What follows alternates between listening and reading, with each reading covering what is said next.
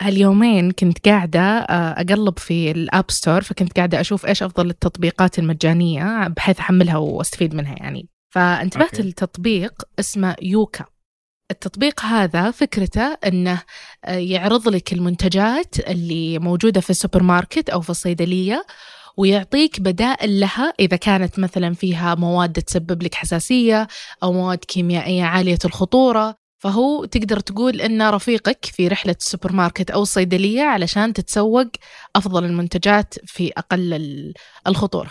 فالتطبيق لو تفتحه هو بسيط جدا آه، عبارة عن آه، يسوي لك سكان آه، للمنتج نفسه فيطلع لك من صفر إلى مية قديش هذا المنتج كويس وإذا كان سيء يعطيك البدائل له في نفس السوبر ماركت يعني. هذا بودكاست الفجر من ثمانية. بودكاست فجر كل يوم نسرد لكم سياق الأخبار اللي تهمكم. معكم أنا وفاء عبد العالي. وأنا أحمد الحافظ. خبرنا اليوم عن محادثات سرية أمريكية تطالب أوكرانيا بالتفاوض مع بوتين.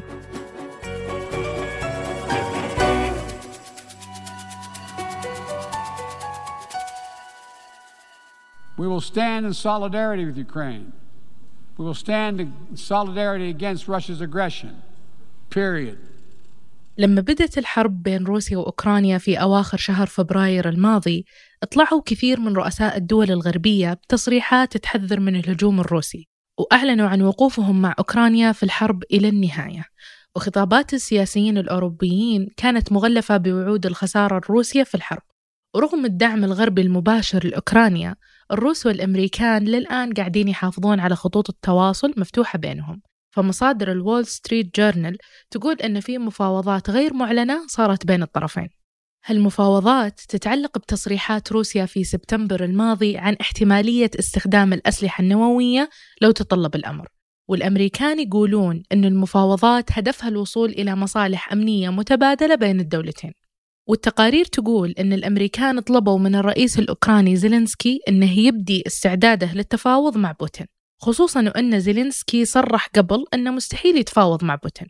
وبحسب كلام الأمريكان أن انفتاح زيلينسكي للمفاوضات راح يعزز من دعم الحكومات الغربية له خصوصا مع تزايد تكاليف فاتورة الحرب واللي يدفع الأوروبيين جزء كبير منها اليوم. ولو ننتقل إلى أوروبا ففي الأشهر الماضية بدأت تطلع أصوات تقول إن ما لنا دخل في حرب أوكرانيا وهذا يعتبر تحول. أولا علينا القول إن الغزو الذي شنه بوتين ضد أوكرانيا غير مقبول في النظام العالمي. ومن هنا تم فرض العقوبات المالية والعقوبات على التجارة. ولكنني لست متأكدا من أنه كان من الذكاء أن نقول له أننا لا نريد الغاز الروسي. فنحن بحاجة إلى هذا الغاز. أرى أنه من الجيد فرض العقوبات على بعض السياسيين لكن في نهاية المطاف هذه الحرب ليست حربنا. من قامت الحرب الروسية الأوكرانية استقبلت أوروبا أكثر من 4 مليون لاجئ أوكراني. والحرب بعد كان لها تأثير على تكاليف المعيشة في أوروبا اللي تستعد للشتاء لأن روسيا وقفت إمداد الغاز في مشروع نورد ستريم خصوصا بعد فرض بعض الدول الأوروبية حظر على الصادرات الروسية. وهالشيء تسبب في تضخم كبير في أسعار المعيشة. يعني عندك في ألمانيا تكلفة الغاز المنزلي زادت بنسبة 173% مقارنة بالسنة الماضية. وفي أوروبا بشكل عام زادت فاتورة الكهرباء بنسبة 90% مقارنة بالسنة الماضية. ورغم محاولات أوروبا لتقليل اعتمادها على الغاز الروسي إلا أن التضخم زاد بسبب تكاليف نقل الغاز من الدول البديلة. هالظروف ساعدت في صعود الخطاب اليميني ضد موقف الحكومات من الحرب الروسية الأوكرانية. ولأن الحكومات الأوروبية أعطت الأوكرانيين إقامة تلقائية فكثير منهم صار يجيه إعانات للسكن والمعيشة بمجرد وصوله. لكن أوضاع اللاجئين بدأت توصل إلى مرحلة مقلقة وصاروا يشكلون عبء اجتماعي في بعض الدول. وبعض المسؤولين في ألمانيا قلقين من أن اللاجئين الأوكرانيين اللي كان مرحب بهم في فترة من الفترات تحولوا إلى مصدر امتعاض عند بعض السكان بسبب سوء الأحوال المعيشية بشكل عام واللي ممكن يلومونهم بسبة هالشيء. تقول تقارير إن التضخم المتسارع خصوصا في أوروبا الشرقية تسبب في هلع اقتصادي يغذي فكرة أن اللاجئين الأوكرانيين أصبحوا عبئا على حساب الشعوب. من وارسو إلى بوخارست. زعيم الحزب المسيحي الديمقراطي الألماني فريدريك ميرتس اتهم اللاجئين الأوكرانيين بالسياحة الاجتماعية في إشارة إلى استغلال بعض اللاجئين الأوكرانيين المساعدات الاجتماعية اللي تقدمها لهم ألمانيا. وتعرضت بعض أماكن الإيواء الخاصة باللاجئين الأوكرانيين للحرق المتعمد. لكن هالحوادث يبدو أنها ما بتأثر على عدد اللاجئين اللي بيزيد مع استهداف روسيا للمنشآت المدنية. ومصاعب الحياة اللي يواجهها الأوكرانيين يوم بعد يوم. بالإضافة للمشاكل اللي يواجهها المدنيين انقطاع الغاز الروسي كان له أثره على القطاع الصناعي في أوروبا واللي كان يعتمد بشكل كبير على الغاز الروسي. فبعض الصناعات زي صناعة الألمنيوم والكيماويات والأسمدة ممكن تنتقل لدول ثانية لرخص التكلفة.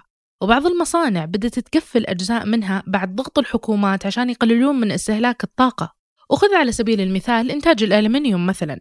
في أوروبا قل بحوالي النصف والزنك اللي كان يصنع في أوروبا توقف وصار يستورد من دول زي الصين وتركيا وحتى استيراد مواد خام ممكن تستخدم في تقنيات زي السيارات الكهربائية. صار شيء مكلف والأوروبيين يحاولون أنهم يخلون هالصناعات مستمرة.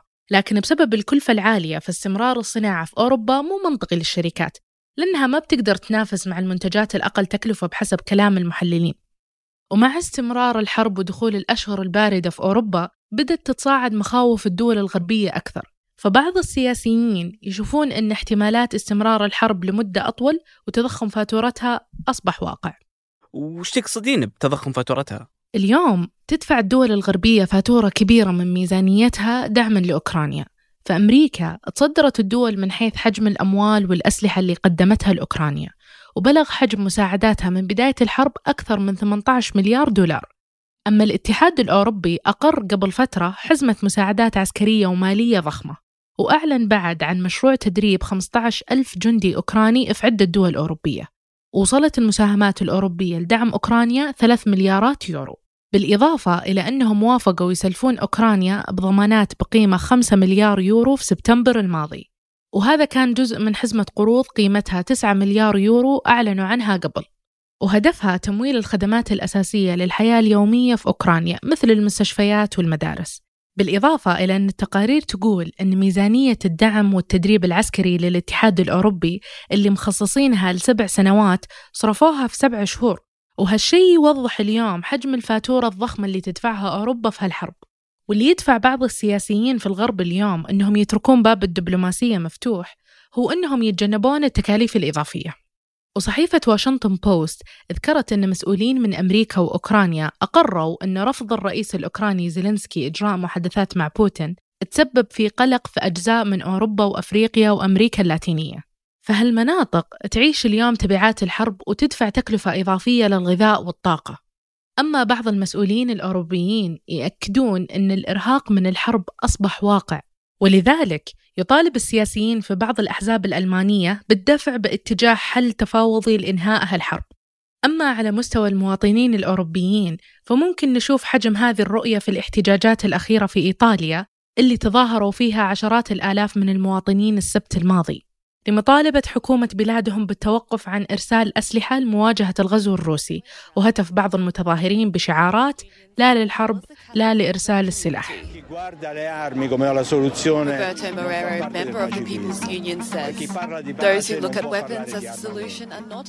ورغم أن رئيسة الوزراء الإيطالية اليمينية جورجيا ميلوني ذكرت أن إيطاليا راح تستمر في إرسال الأسلحة. ينادي سياسيين آخرين من بينهم رئيس الوزراء الإيطالي السابق جوزيبي كونتي بتكثيف المفاوضات. ولكن الرئيس الأوكراني زيلينسكي يشوف أن موسكو ما تبغى تتفاوض لإنهاء الحرب ضد بلاده. واتهم روسيا بتضليل العالم من خلال طرح فكرة المفاوضات. وزيلينسكي قال في تصريح له حنا مستعدين الآن للسلام لكن سلام عادل ومنصف. فأوكرانيا اليوم تحط شروطها لوقف الحرب. وأول هالشروط أن تعترف روسيا بحدود أوكرانيا وسلامة أراضيها بموجب القانون الدولي. وروسيا بعد تقول إنها منفتحة على محادثات السلام وهذا بحسب كلام الناطق الرسمي للكرملين لكنها أصبحت مستحيلة بسبب رفض كييف. فبوتين يشترط حياد أوكرانيا وتخليها عن عضوية الناتو ونزع السلاح كشرط لوقف الحرب إلا أن أوكرانيا طلبت الانضمام للناتو في أكتوبر الماضي. وهو الشيء اللي تحذر منه روسيا وتقول إنه لو صار ممكن يعجل بحرب عالمية ثالثة. ومع اشتداد المعارك بين الجيشين الروسي والأوكراني في مختلف الجبهات الشرقية والجنوبية بدأت أوكرانيا تستلم صواريخ غربية للدفاع الجوي من طرازي ناسامز وإسبايد. وقال وزير الدفاع الأوكراني في تغريدة على تويتر أن أنظمة الدفاع الجوي تهدف إلى صد القصف الروسي الكثيف على البنى التحتية الحيوية. واليوم تطالب أوكرانيا حلفائها الغربيين من أسابيع بتزويدها بأنظمة دفاع جوي حديثة. وتستغل روسيا هالفراغ في تكثيف ضرباتها على البنى التحتية للكهرباء والموية.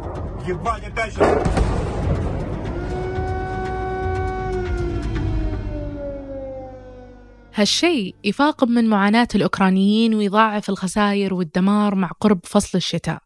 فالبنك الدولي أشار في تقرير له أن الغزو الروسي لأوكرانيا تسبب في أضرار مباشرة بأكثر من 79 مليار دولار بنهاية مايو. وممكن توصل تكلفة إعادة إعمار أوكرانيا إلى 350 مليار دولار. وتعترف أوروبا أن تكاليف إعادة بناء أوكرانيا بعد الحرب راح تكون فاتورتها ثقيلة جدا. وقبل ننهي الحلقة هذه أخبار على السريع في الخبر الأول شركة أبل تخطط لتخفيض كبير في إنتاج آيفون 14 ويوصل حجم الخفض لأكثر من 3 مليون جهاز. بحسب الشركة في التخفيض لسببين. الأول بسبب الإغلاقات الاحترازية الصحية في الصين والثاني بسبب انخفاض الطلب بشكل عام.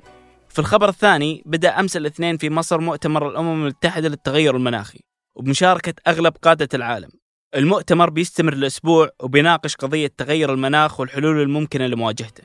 وفي الخبر الثالث لجنة المساهمات العقارية تصفية تستعيد أكثر من 15 مليار ريال سعودي.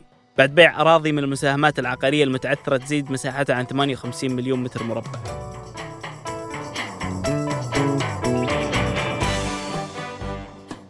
أنتج هذه الحلقة ثمود بن محفوظ وعمر العمران. أشرف عليها تركي البلوشي وقدمتها أنا وفاء عبد العالي. وأنا أحمد الحافي. وحررها محمود أبو ندى. نشوفكم بكرة فجأة